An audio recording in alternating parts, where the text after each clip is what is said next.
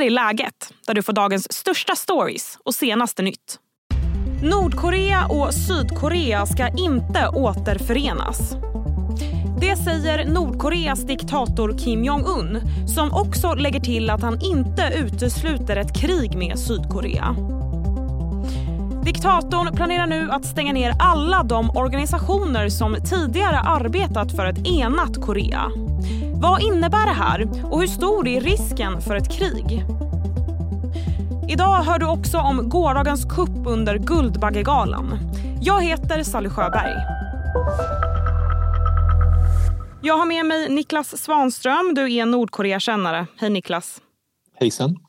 Ja, Kim Jong-Un säger då att vi vill inte ha krig men vi har inga planer på att undvika krig. Hur anmärkningsvärt är det här uttalandet? Ja, det är väldigt anmärkningsvärt faktiskt. Och det här är, normalt så finns det ju väldigt mycket retorik från Nordkorea och speciellt när det nya året kommer så är alltid en, en hel del retorik. Men det här tar sig ett steg längre än bara ren retorik. Här vill man ju ändra konstitutionen och ändra gränsdragningarna mellan Nord och Sydkorea. Att man försöker trycka gränsen söderut.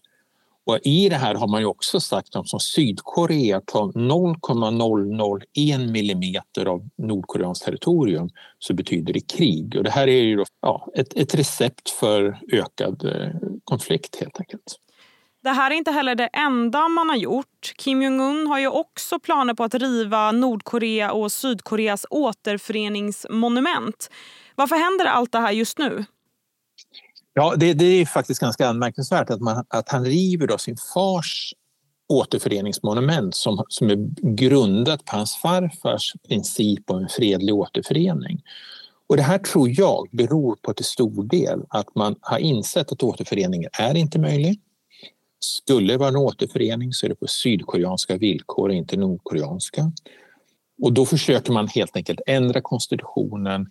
Man försöker skapa ett Nordkorea som är permanent distanserat från Sydkorea.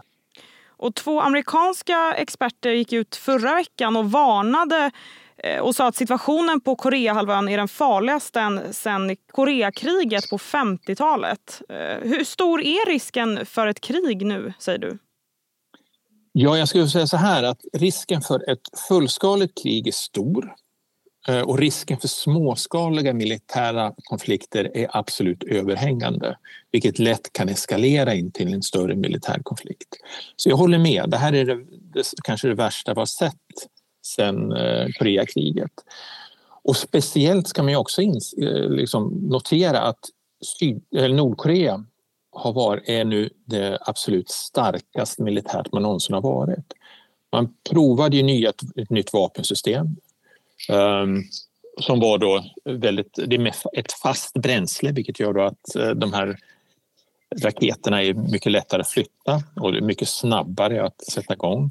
Och så har man då testat vad man säger ett hypersonic-missilvapen. Eh, det här gör ju att de är en, en rejäl maktfaktor i, på Koreahalvön idag. Frågan är då vad ett krig mot Sydkorea skulle innebära. Jag ska fråga dig det Niklas, men först blir det en kort nyhetsuppdatering. Tove-fallet kommer inte att tas upp av Högsta domstolen. Det innebär att det 16 år långa fängelsestraff som Johanna Jansson dömdes till förra året fortfarande gäller. Det var i oktober 2022 som 21-åriga Tove försvann efter en utekväll i Vetlanda och senare hittades död. Både Johanna Jansson och Toves familj hade överklagat hovrättens dom. Men beskedet från Högsta domstolen innebär att rättsfallet nu är över. Coop Värmland har utsatts för en hackerattack. Det rapporterar P4 Värmland. Attacken har lett till att uppgifter om 167 000 Coop-medlemmar lagts ut på Darknet. Och det rör sig om medlemmars namn, personnummer, mejladresser och möjligen även telefonnummer. Konsekvenserna av hackerattacken är ännu inte fastställd. Coop säger själva att de inte har några indikationer på att de läckta uppgifterna har använts. Och De har inte heller pressats på några pengar av hackarna. Kylan har återigen tagit ett grepp om Sverige och nu väntar flera vädervarningar. Det senaste dygnet är att klassa som ett nationellt isdygn. Och kallast har det varit i Gilas i Västerbottensfjällen där termometern har visat minus 36,5 grader. Imorgon väntas det bli blåsigt kring västkusten samtidigt som ett nytt snöfall med uppemot 20 centimeter snö är på ingång. Så det är bara att pälsa på sig.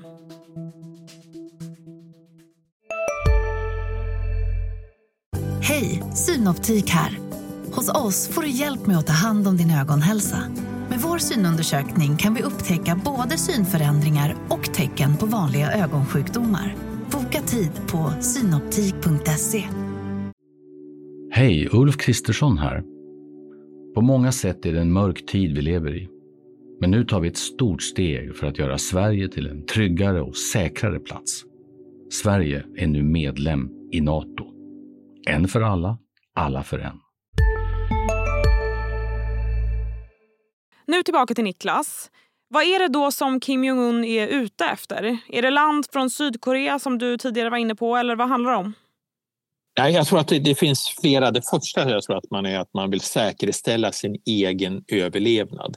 Man lever ju under synen att, man, att Sydkorea och USA försöker, försöker ta över Nordkorea. Så det är klart att den egna regimen, den egna makten, det är prio ett. Sen så är det ju, tror jag inte heller att man ska sticka under stol med att man försöker också expandera gränsområdena lite grann, både framförallt det maritima.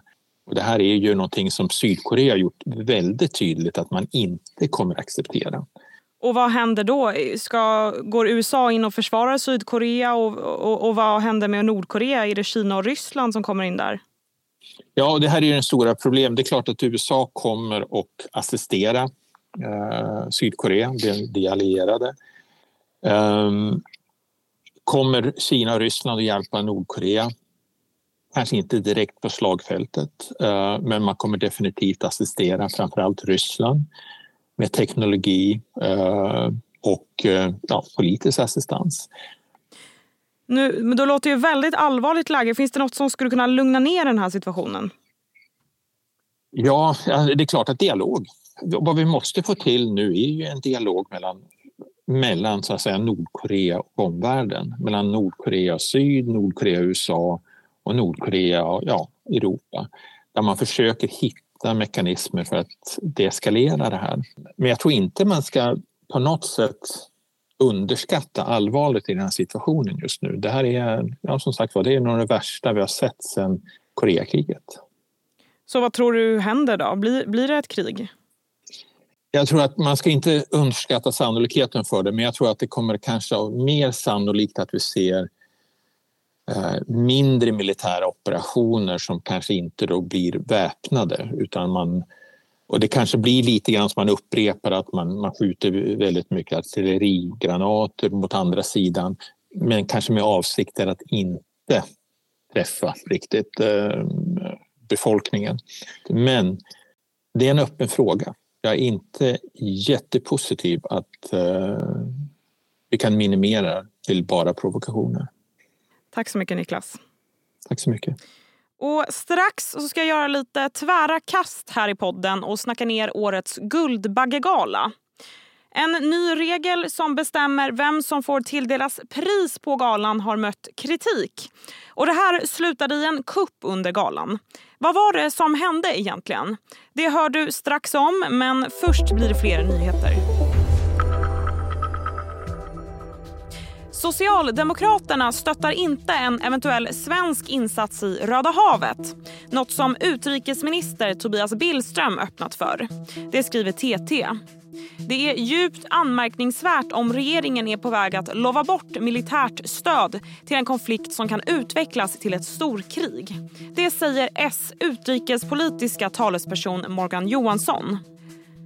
Sen tidigare så har regeringen gett Försvarsmakten i uppdrag att undersöka möjligheten att stödja USA och Storbritanniens militära insatser i Röda havet. Igår hölls Guldbaggegalan på Cirkus i Stockholm. Under galan kunde endast professionella skådisar vinna pris. Något som mötte kritik och slutade i en kupp. Maria Brander, Expressens nöjeskrönikör, finns med mig nu. Du såg hela galan. Hej Maria! Hej! Ja, men den här kuppen hände när priset till bästa film skulle delas ut. Vad var det som hände egentligen? Berätta.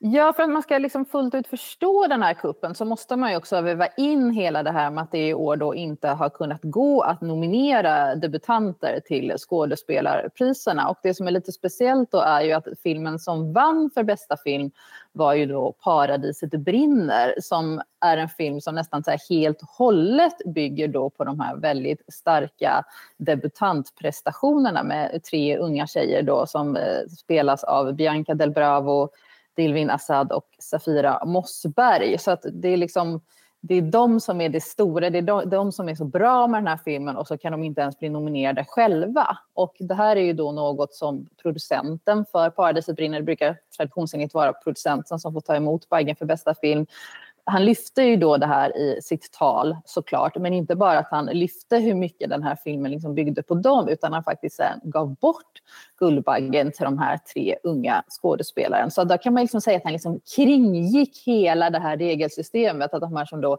inte alls egentligen hade kunnat få en bagge eller ens bli nominerade faktiskt gick därifrån med mm. galans finaste pris. Och det här mitt på scen under direktsändning. Men varför ville arrangörerna ens ha den här regeln första början? Ja, det är väldigt många som undrar det och jag tror inte ens man riktigt förstår det fullt ut. Det man har sagt eh, offentligt är att man vill stärka yrket, alltså skådespelaryrket, att det ska vara professionellt, att det inte ska vara amatörer och man har också lyft att det här är liksom på något sätt efter påtryckningar från branschorganisationer. Men eh, då kan man ju undra vilka, exakt varifrån de här påtryckningarna kommer, för reaktionerna eh, på de här nya reglerna har ju varit väldigt starka starka och jag tror nästan att alla liksom har varit emot det här beslutet. Mm, ja, Youtubern Joakim Lundell är en av dem. Han kallar den jättelöjlig när han mötte Expressen på röda mattan igår. Men nu har väl arrangörerna svängt lite också? Ja, precis. Och efter eh, då den här kuppen på Guldbaggegalan och all kritik så det är nästan svårt att tänka sig att de eh, skulle kunna göra någonting annat. Jag har svårt att tänka mig att den här regeln är kvar till nästa år. Men det som är sagt nu är väl att man ska se över de här reglerna och sen får vi väl se vad det, vad det landar i. Mm, vad tycker du själv? Ska den vara kvar eller ska den bort? Ja, men den ska självklart bort. Jag tror inte att det gynnar den här galan överhuvudtaget att sätta upp massa konstruerade regler om, om vilka som ska vara nomineringsbara. Också det blir ju exkluderande, framförallt eftersom man då automatiskt stänger ut en eh, massa unga skådespelare som kanske gör sitt livs roll. Eh, så att nej, det, det är bara dumt att hitta på den här typen av regler. Vi får se om den hänger kvar till nästa år. Tack så mycket Maria. Tack. Och det var allt för idag. Läget kommer ju ut varje vardag så se till att du följer podden så missar du inga avsnitt. Tack för att du har lyssnat. Du har lyssnat på en podd från Expressen. Ansvarig utgivare är Klas Granström.